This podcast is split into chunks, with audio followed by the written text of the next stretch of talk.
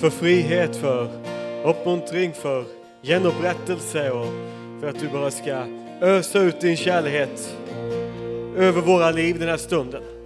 Vi eh, prisar dig för att du är en god far och att du kommer med goda gåvor och gör så mycket nytt och så mycket starkt i våra liv. Vi vill bara öppna upp för dig och bara ta emot allt det underbara som du har för oss den här dagen.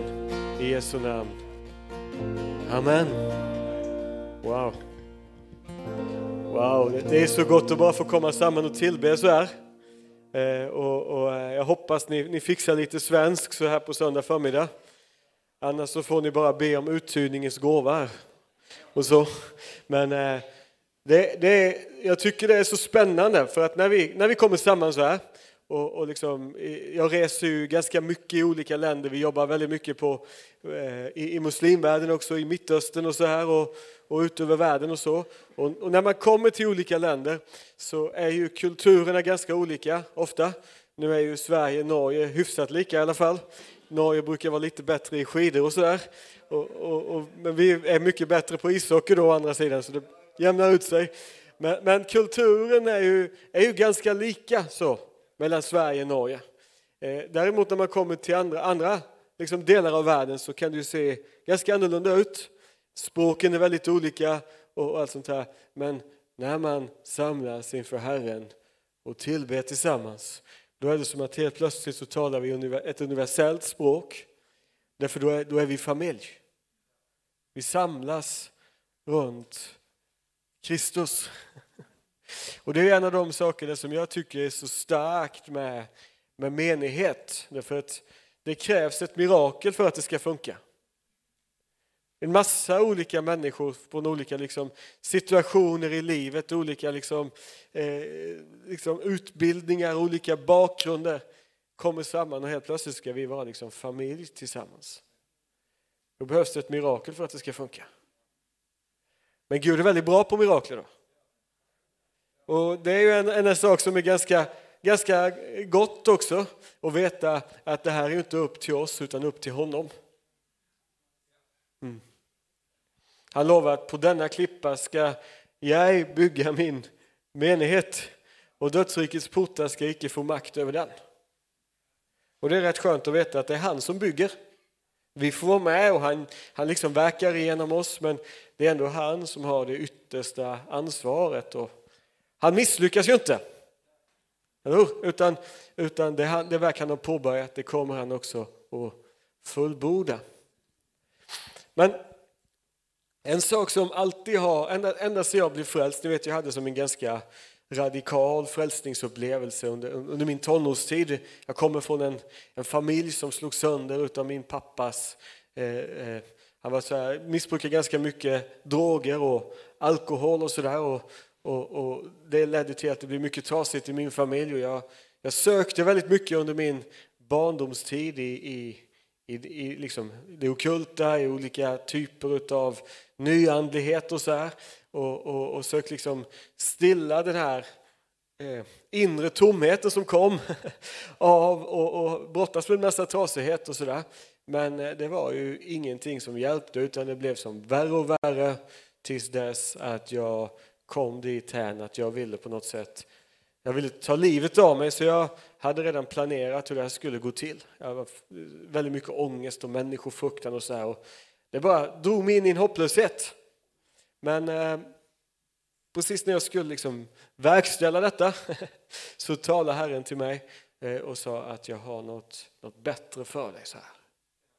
Och det är klart att eh, och jag blev frälst ungefär en, två veckor efter att jag hade fått det här liksom, tilltalet. Jag visste inte att det var en massa folk som hade fått mig på sitt hjärta. De hade bett för mig i flera år och liksom stått med i bön och sådär. Och så, och så fick jag då det här mötet med, med, med Herren. Och det är klart att då eh, får man ju en längtan efter att ge allting tillbaka. Och Gud började göra ganska mycket ganska snabbt efter jag blev frälst. Jag kommer ju från eh, eh liksom, Eh, Eh, södra Sverige, då, lite ställe utanför Jönköping där, eh, om det, om det säger någon av er någonting. Eh, och, och, och där så, så, så började Gud röra vid människor. Vi såg en hel del starka saker ske. Det var en del av mina vänner som blev frälst och mycket så här som hände. Samtidigt så, som vi såg allt det här så, så upptäckte jag ju ganska snabbt att det blir ganska mycket mig och ganska lite honom. Alltså evangeliet som är tänkt att vara goda nyheter därför att det sätter fokus på Kristus som har satt oss fri. Blev mer på vad jag skulle göra för honom. Eh, och nu är det så att ni vet, jag, jag, jag, jag älskar liksom att få, att få tjäna Gud, jag älskar liksom att få lägga ner mitt liv på olika sätt. Eh, det blir som ett gensvar på hans nåd, men det är ju inte bra. Vet du, utgångsläget i det kristna livet blir vad jag ska få till för honom. För oavsett hur mycket man försöker få till själv så kommer man ju förr eller senare till den insikten att oavsett hur mycket jag kämpar, oavsett hur mycket jag står på, så blir det aldrig bra nog. Det är bara Kristus som är nog, som vi sjöng här innan. Och, och, och eh, jag, jag liksom kom in i en, eh, i en situation där jag, där jag liksom hamnade lite grann i en sån andlig burnout kan man säga. För eh, ni vet, vi bad flera timmar om dagen och kanske också bad och fastat två, tre dagar i veckan ofta och mycket bönenätter och så här. Och, och, och, men efter ett tag så, så, så blev jag lite så desillusionerad med det därför att jag upptäckte att oavsett hur mycket jag försöker så, så kommer ju inte det här förväntade genombrottet och sådär. Väldigt mycket output från mig och så upplever jag väldigt lite tillbaka. Även om det var så att vi såg Guds kraft och vi såg människor bli, bli liksom förvandlade. Så jag kommer ihåg att jag gick och klagade på, på Herren en, en dag så här, och sa det att du vet om det här är det överflödande liv som du lovade så är det inte så överflödande som du lovade. och, och då betyder det att antingen har jag missförstått något eller så kör du med falsk marknadsföring. Och det gör han ju inte. och då var det som att den helige hon bara, bara viskade lite kärleksfullt till mig så här i mitt hjärta och sa Martin, det är bra om du kommer ihåg Kristus i din kristendom. För det är ändå honom det här handlar om. Och då gick jag in och började studera den, den liksom nya, nya förbundet, den nya pakt som ni säger i, i Norge. Så, och och, och, och då, då, då, insåg jag att allt det som jag hade försökt få till själv hade Jesus redan gjort. Genom ett enda offer har han för alla tider gjort dem som helgas fullkomliga. Så Helighet och fullkomlighet är ju egentligen inte ditt mål utan det är din startpunkt. Och sen den förvandling och den process vi går igenom handlar ju om att vi blir de som vi redan, som vi redan är kan man säga. Att det nya livet och den helighet och rättfärdighet vi har fått i Kristus kan också bli synligt i våra liv. Då. Men det är klart att längtan blir ju att få se Kristus bli synlig genom våra liv. Eller? Det, det är liksom målet för allt vi håller på med, vilken menighet vi än är en del utav, måste ju på något sätt vara att, att människor ska få möta Kristus. Och jag fick när jag jobbade som pastor så, här, så fick jag spörsmålet ibland, vad tycker du liksom om möteskultur och, och, och sångstilar och allt sånt här? Och jag sa att ja, jag har ju mina personliga preferenser, det ska jag erkänna. Men det viktigaste för mig det är att i allt vi håller på med så måste liksom Jesus lysa fram. Och då blir det intressant, hur vandrar man som Kristus vandrade? Då finns det ett religiöst svar på det och det religiösa svaret är ju att du tittar på dig själv. Och så tänker du att jag ska läsa evangelierna och göra som Jesus gjorde. Det kan låta väldigt bra, men du kommer få ganska mycket problem om du tänker så efter ett tag. För att det finns mycket som Jesus gjorde som man inte gör på rutin. Exempelvis göra en piska av repstumpar och börja driva ut folk ur byggnader och sådana saker. Och spotta på marken och göra en deg och liksom trycka in i folks ögon för att de ska bli helade. Det är liksom ingenting man kan göra på rutin, eller hur?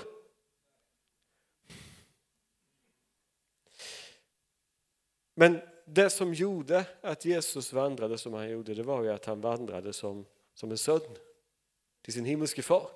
Han talar om källan till sin tjänst väldigt tydligt i Johannes 5, vers 19 eh, till och med 20 säger Jesus så här. Jesus svarar dem, jag säger er sanningen. Sonen kan inte göra något av sig själv utan bara det han ser Fadern göra. Vad Fadern gör, det gör Sonen. Fadern älskar Sonen och visar honom allt han gör och större gärningar än dessa ska han visa honom så att ni blir förundrade. Det är ett ganska radikalt uttalande. Jesus säger Sonen kan inte göra något av sig själv utom det han ser Fadern göra. Det här återkommer liksom hela tiden hur Jesus var väldigt fokuserad på, på far. Så eh, han, han, han liksom ger oss bönen Fader vår. Han eh, eh säger i Johannes 14 att han är vägen, sanningen och livet. Ingen kommer till Fadern utom genom honom. Så han själv är vägen hem till far. Han eh, säger att gärningarna som jag utför kommer ifrån far. Orden jag talar kommer ifrån, ifrån honom. Det betyder ju att om du och jag ska leva som Jesus gjorde så handlar det mycket mer om barnaskap än prestation. Det här var ju så revolutionerande när Jesus kom att det var egentligen det som gjorde att, att ytterst sett det som var liksom den ultimata, det som gjorde att, att, att fariseerna bestämde sig för att vi kan inte ha kvar honom för han gick och pratade om Gud som sin far. Och så säger han att, så säger, står det i Johannes evangeliet att han, de, de, de säger att de beskyller honom för att göra sig lik Gud eftersom han sa att Gud var hans far.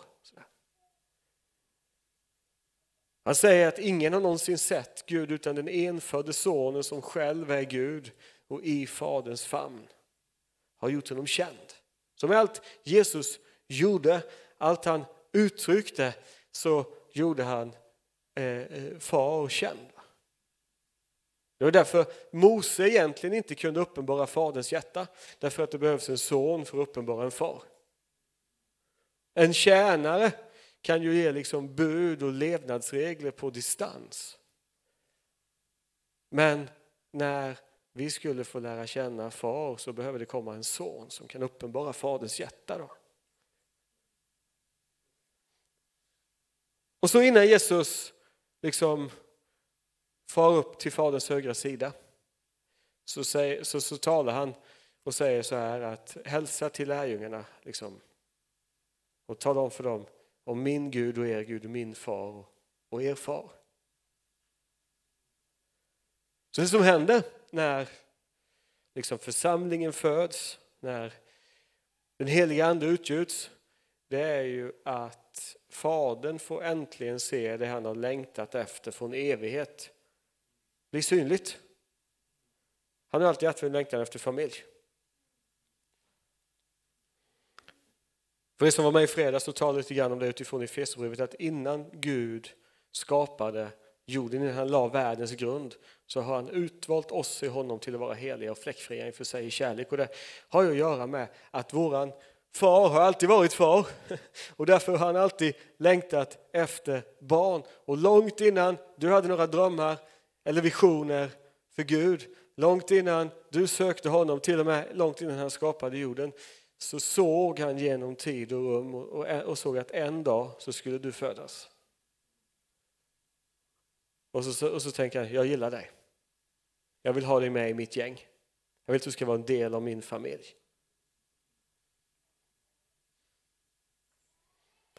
Alltså, våra visioner för Gud är, det är så viktigt att vi, bara, att vi bara drömmer, att vi bara sträcker oss efter saker tillsammans med honom. Men det gör vi ju bara därför att vi har blivit en del av hans drömmar.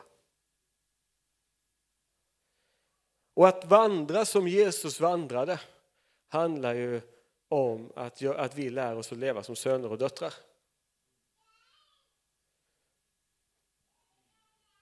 Ja. Det handlar mycket mer om vem man förtröstar på än vad man gör. Sen är det absolut så att det finns ett, ett, ett pris att betala för evangeliet. Och, eh, eh, eh det märker man ju, kan man också märka när man är ute på missionsfältet. Jag har både varit mordhotad och kidnappad och slagen för evangeliet i olika tillfällen när vi har varit ute och predikat i, i Mellanöstern så här på olika sätt. Men det är egentligen inte det som är, som är grejen. Det är en frukt av att världen ser ut som den gör.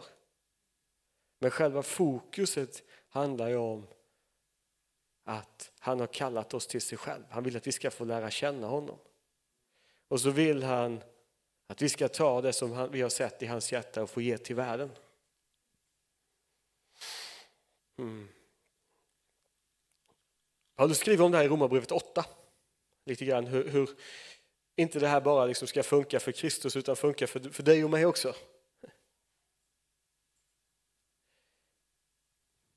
Han säger så här ifrån Romarbrevet 8, vers 14 till och med 17. Så här. Alla som drivs av Guds ande är Guds barn. Ni har inte fått slaveriets ande så att ni på nytt måste leva i fruktan. Men ni har fått barnaskapets ande och i honom ropar vi Abba far. Anden själv vittnar med vår ande att vi är Guds barn. Och är vi barn är vi också arvingar, Guds arvingar och Kristi medarvingar. Lika visst som vi lider med honom för att också bli förhärligade med honom. Wow.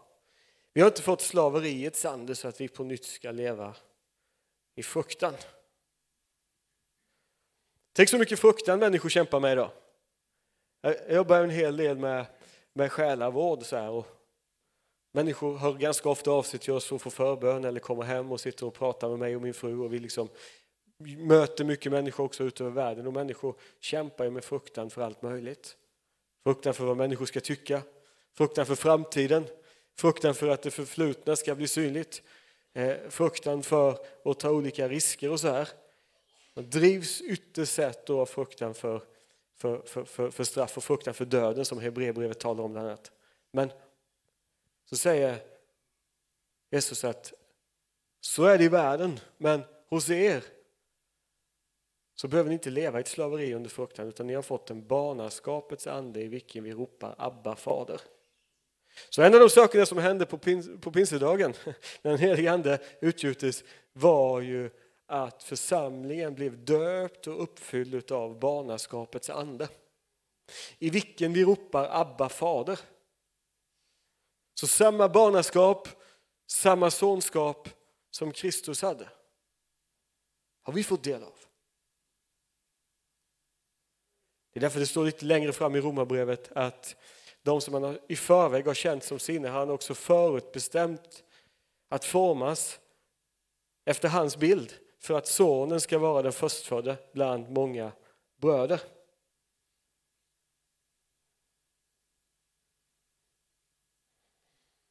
Jag brukar säga så här att du har egentligen fått något mycket starkare och mycket bättre än en personlig relation med Gud.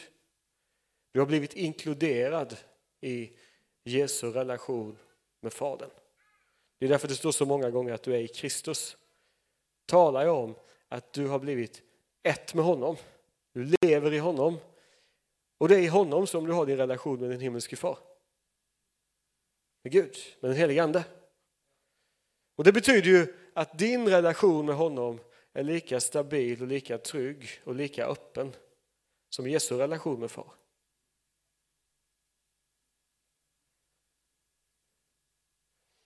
Har ni märkt att det här är lite svårt att fatta ibland? Jag vet inte hur det är i Norge, men i Sverige så är det här så goda nyheter att det inte alltid är helt lätt att känna. Och, därför, och det, är faktiskt, det är faktiskt ett kännetecken på evangeliet. Evangeliet är så goda nyheter att det går inte att fatta utan den helige Andes hjälp. Vi behöver uppenbaring för att känna evangeliet. Jag brukar skoja med dem där hemma, för jag kommer ju inte från en kristen familj då, men genom åren så har de blivit frälst en efter en. Så här, min syster blev frälst och min mamma blev frälst och sådär. Hon, hon, hon, hon hade en ganska, så här, ganska dramatiskt möte med Jesus. Eh, för det att, att jag, jag eh, under, ett av mina, under en av mina missionsresor, så, jag nämnde om lite grann tidigare, så att jag då eh, tagen, så här, kidnappad, hålld fången under eh, typ ett och ett halvt år hos muslimska extremister. Så, så det var lite dramatiskt. Och, och, och, min mamma hon har alltid varit så här jättenegativ till evangeliet förut och alltid varit så här motståndare. Men så står hon på jobbet en dag, hon jobbar som, som sömmerska och så ska hon hämta nya tyger. Och helt plötsligt så, så, så säger hon säger så här, jag upplevde hur du stod som en ljusgestalt från himlen framför mig och sa, du behöver inte oroa dig för pojken, vi ska få hem din son. Och då gick hon hem och lyssnade på en, en predikan om mig och så hörde hon hur man kan bli frälst. Så gick hon ut i skogen och så bad hon, för då insåg hon att det fanns nog något i det här med Jesus ändå. Ja.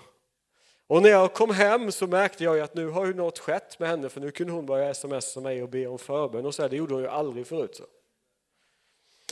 Och då sa hon det att nu har jag insett liksom att det här du sa om det var, det var, liksom, det var sannhet i det ändå, Jesus är verklig. och jag sa till henne att det, det kunde du ha kunde du kunna ha lyssnat på mig för 15 år sedan så hade vi sluppit alla de här åren av tjafs.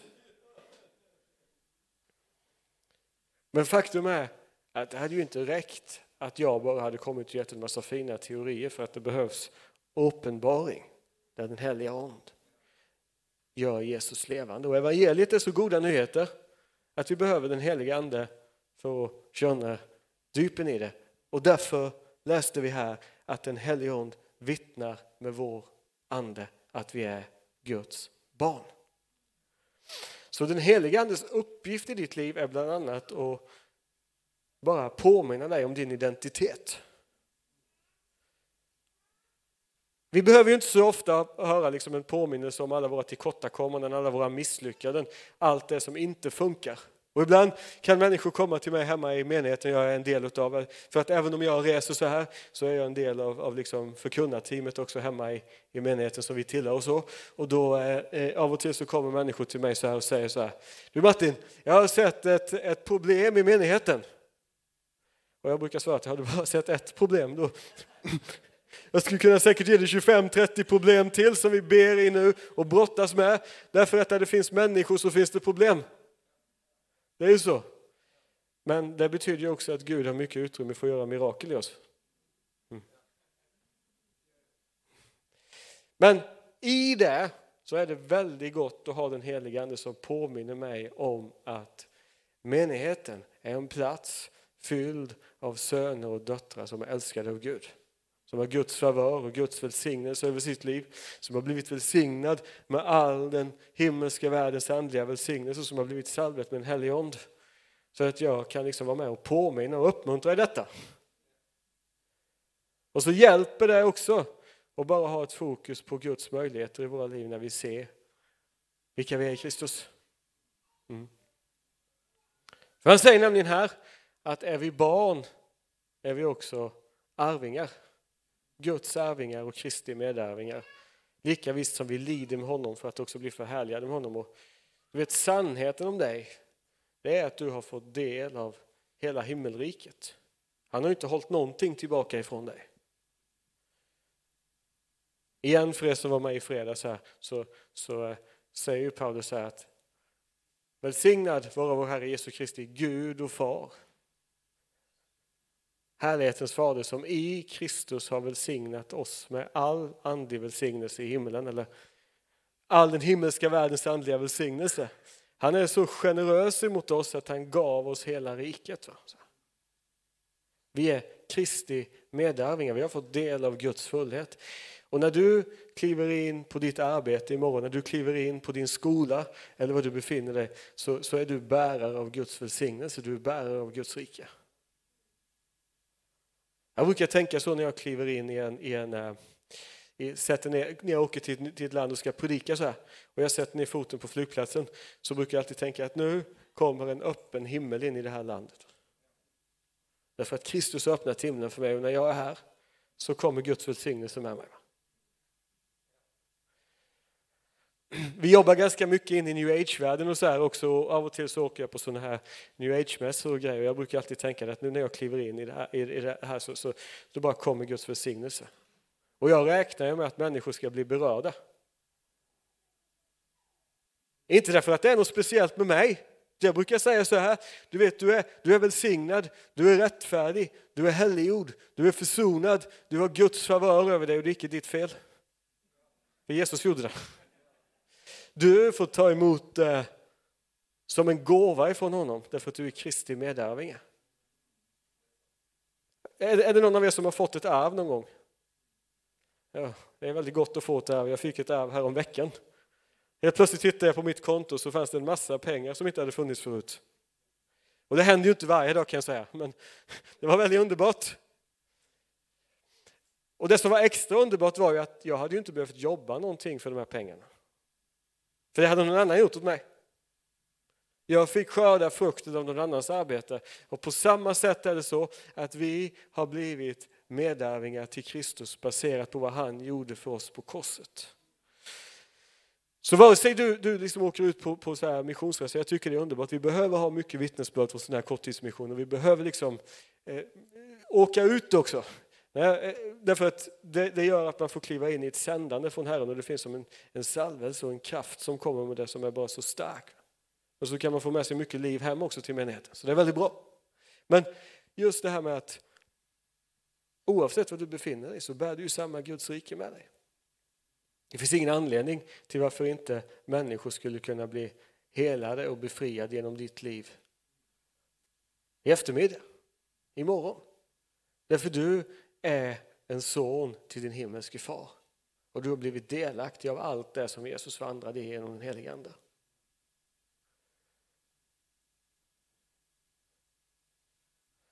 Det är ganska bra att påminna oss om det.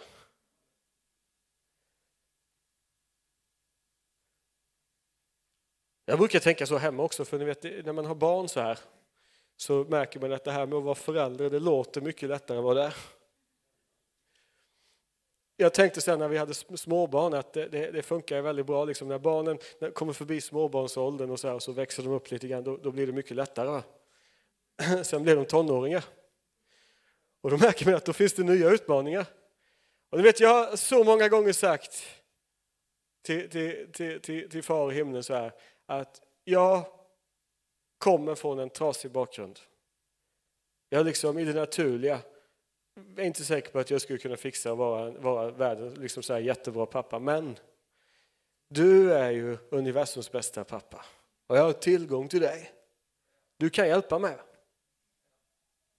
Jesus, du är ju världens bästa brudgum, eller För vi är, vi är ju Lammets brud, eller Du kan ju kanske ge mig vishet i hur jag ska hantera mitt äktenskap. Jag tror att det är så viktigt att vi bär den här medvetenheten med oss. Att menigheten är liksom mer än bara en, en organisation. Det är mer än bara någonting man, man, man, man eh, eh liksom träffas till och gör tillsammans. Utan vi är bärare av Guds välsignelse vi är liksom hans familj. Det här som, som, som, som, som, som vi har blivit är liksom svaret på Guds dröm från evighet. Att han har, han har, han har vunnit en familj till sig genom Jesus Kristus. Och, jag vet jag, när, man, när man är ute och reser och predikar så här. Jag kommer ihåg jag var i, i Amman i Jordanien en gång. Och bodde uppe på ett berg, det är ju så att det, det är så här berget där, och så bodde jag uppe på berget. Och ni vet på kvällen, det blir mörkt väldigt fort i Mittöstern. Så här. Och så, och så liksom tänds alla de här gröna lamporna som är moskéerna. Så här. Och så sätter ju böneutropen igång. Och det var någon som, som frågade mig, så här, känner inte du väldigt mycket betryck och väldigt mycket så här, när, du, när du sitter där och liksom, du, du hör hur de ropar ut och kallar till bön och så? Jag sa nej, jag känner inget betryck alls. Men jag känner väldigt mycket, mycket kärlek från far. Därför att jag vet att ropet bakom de här bönutropen, längtan bakom det här bönutropet är att folk längtar efter att få ett förnyat ett, ett, ett möte med, med, med, han som är sannheten. Och ännu mer än vad jag hör ropet ifrån böne, böne, liksom så hör jag ropet ifrån fars hjärta. För hela den bibliska storyn skulle kunna sammanfattas på det sättet att i Edens hage, visst säger det så på norsk, Edens hage, så förlorade far kontakten med sina barn och resten av den bibliska storyn handlar om hur han sträcker sig ut genom Jesus Kristus för att för, för, föra sina förlorade söner och döttrar hem. Så när jag är ute och liksom predikar och när vi möter människor på olika sätt så finns det här ropet i fars hjärta. Kom hem.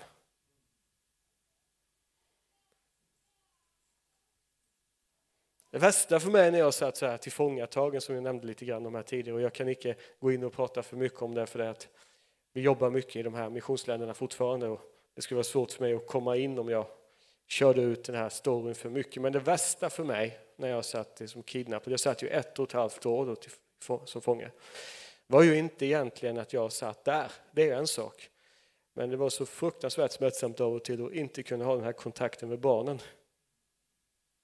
Bara sånt som man har tagit för givet förut att barnen kommer liksom, jag har två pojkar vid det tillfället, vi har fått en liten tjej som dess också, men de här pojkarna brukar komma upp och hoppa upp på sängen på morgonen och börja brottas med mig. Vi kunde spela liksom, fotboll tillsammans och gå och titta på hockey ihop och liksom sådär med, med, med barnen. Och sådär. Var inte jag säker på att jag skulle få en ny chans till att göra. Va? Det här, att inte jag kunde ha kontakt med dem, det var smärtsamt. Och anledningen till att synden är ett sådant problem för Gud. Det, det, synden skapar mycket större smärta i Guds hjärta än vad den gör i våra liv. Därför att det betyder ju att Eh, alltså kontakten är bruten. Och hans längtan är ju efter att människor ska få komma igen. Få en upprättad identitet, ett upprättat liv. Och du och jag har liksom blivit bärare av svaret. Samma ande, samma rike, samma liksom, salvelse som vilar över Kristus vilar över dig och mig. Och han vill att vi ska bara säga ja till den här invitationen och få, och få bli partners med honom, få koppla med honom, få samarbeta med honom, få leva ut Guds rike så att människor kan bli förvandlade. Och jag är, det är min personliga övertygelse att alla som sitter här inne i det här rummet är kallade till att se hundratals människor förvandlade av evangeliet, frälsta, genupprättat, fylld med den helige Ande, befriade. Gud har kallat dig till sig själv. Han har gjort dig till son, han har gjort dig till dotter. Och han vill att du ska få representera honom, få vara med och förlösa Faderns hjärta och bara få välkomna en massa förlorade söner och döttrar hem. Och det här blir väldigt relationellt. Då. För min övertygelse är att ju mer man ser vilken underbar liksom far vi har, hur goda nyheter evangeliet är, ju lättare blir det att dela det. Ibland när vi har haft så här skolor om, om liksom hur, hur man predikar, hur delar man evangeliet, så brukar jag ibland tänka att det handlar egentligen inte som, problemet sitter egentligen inte i att folk inte vet hur man ska vittna. Utan problemet är många gånger att man, man har, man har liksom glömt bort hur goda nyheter evangeliet är. Tänk på dig själv, hur mycket goda nyheter du har haft i ditt liv. Eh, jag vet inte om de av er som har, har fått barn, hur svårt det var för er att berätta för människor att ni har fått barn. Eller om du har gift dig, eller om du har, ja, vad det nu kan vara. Det är goda nyheter. Och jag tror att den helige Ande bara behöver påminna oss om hur goda nyheter evangeliet är. Va? Påminna oss om, om, om liksom Guds hjärta, Guds godhet, Guds kärlek. För när vi ser honom och ser vem han är så blir det väldigt svårt att inte predika evangeliet. Så vi tackar dig just nu Fader för att du är här. Och jag bara ber dig att du ska komma och beröra var och en som har kommit hit bara så starkt just nu. Din kärlek och din härlighet bara ska omsluta var och en som har kommit hit. Jag ber för den som kanske kämpar med sin identitet och haft svårt att bejaka det här med att du älskar som son, du älskar som dotter. Så ber jag dig Fader att du ska komma och beröra där. Jag ber dig också att du bara ska hjälpa oss att se dina möjligheter och hur vi kan sträcka oss tillsammans med dig för att människor ska få bli berörda. Och jag ber dig att vi också ska få koppla med det här ropet som finns i ditt hjärta. Där du bara ropar ut till världen. Välkommen hem.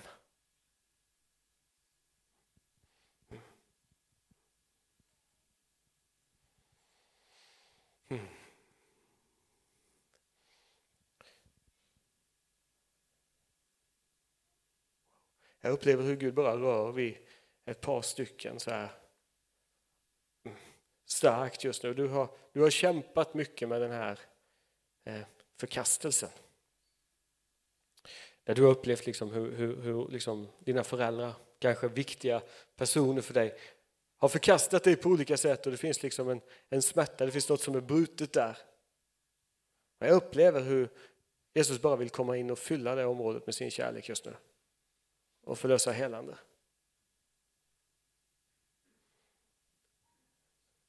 Också över dig som, som du vet att du bär på olika gåvor ifrån Herren. Men det har varit svårt för dig att kliva ut i de här gåvorna därför att det, det finns en fruktan som kommer och slår emot dig. Du vill ta steg tillsammans med honom men det är svårt därför att det slår med fruktan. Jag bara upplever att Herrens kärlek ska få driva ut den här fruktan just nu. Du har inte fått en fruktans ande. Du, du ska inte behöva leva under, i slaveri under fruktan utan du har fått en barnaskapets ande och jag upplever hur Gud bara öser ut sin kärlek just nu över ditt liv för att du ska få uppleva frihet där. Mm. Du tar de steg Gud har kallat dig att ta.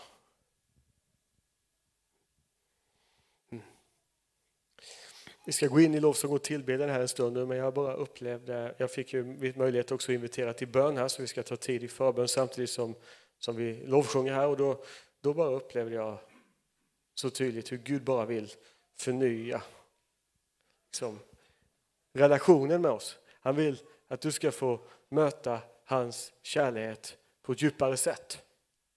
Du kanske finns där som bara känner att jag behöver få uppleva mer av fars kärlek. Vi vill väldigt gärna be för dig. Det kan också hända att du finns här som har kämpat mycket med, med, med, din identitet på olika sätt och kämpat med det här. Det är så svårt för mig att tro och bejaka att jag är älskad av Gud. Så vill han bara röra vid dig. Du vet en av de sakerna som den helige Ande gör.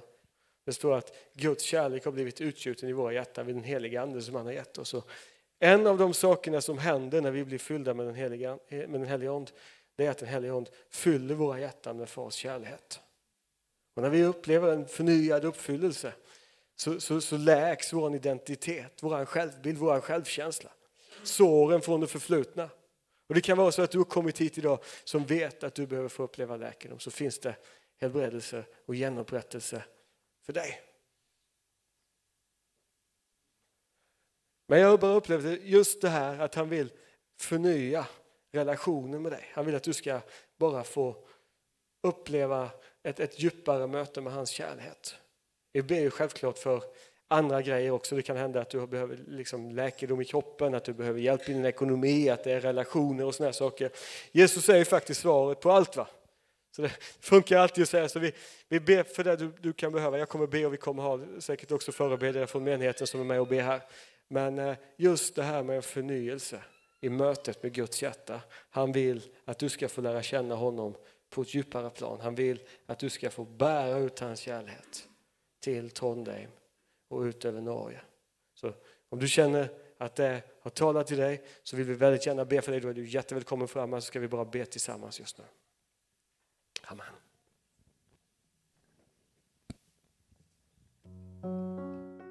Hej och tack för att du har sett på eh, en tale ifrån Betel Trondheim. Nå kanskje du sitter igjen med spørsmål og et behov for å snakke med noen. Da er du hjertelig velkommen til å ta kontakt med oss. Du er også hjertelig velkommen til å komme og ta del av gudstjenestene vår, eller det som skjer i ungdomsarbeidet eh, i kirka vår. Jeg tenkte at jeg hadde lyst til å avslutte med å lyse Herrens velsignelse. Så vær så god, ta imot. Herren välsigne det och bevare det. Herren la sitt ansikt lyse över det och vara det nådig. Herren lyfte sitt åsyn på det och ge det fred.